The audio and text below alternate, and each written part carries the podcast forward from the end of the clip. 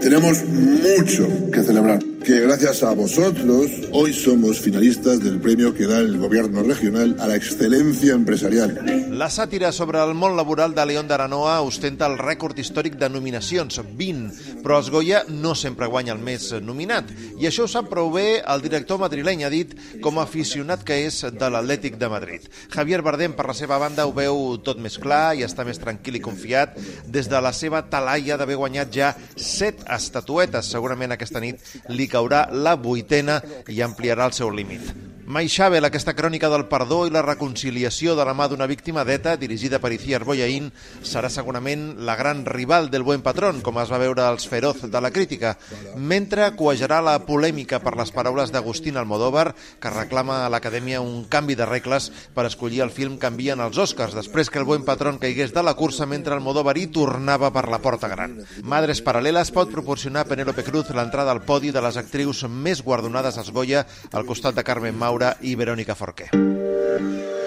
¿Qué haces por el pueblo? Nunca te había visto por aquí. Yo la traje. ¿Vosotras dos que os conocéis?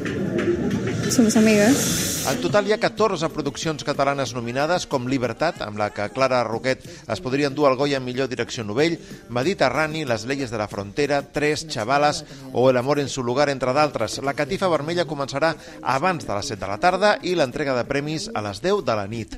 I a l'escenari veurem alguns dels guanyadors de l'any passat que no van poder recollir el premi per culpa de la Covid. Altres estrelles com Carmen Machi, Antonio Banderas o Vicky Peña que han d'entregar algun dels premis i les actuacions de Z Tangana amb Rita Pallés i Joaquín Sabina, que fa anys avui precisament amb Leiva. A més, Kate Blanchett rebrà el primer Goya Internacional, ara que està a punt de protagonitzar precisament el primer film en anglès d'Almodóvar, i José Sacristán recollirà el Goya d'Honor d'aquesta 36a edició en la que torna la presencialitat controlada i que servirà d'homenatge final a l'històric Luis García Berlanga.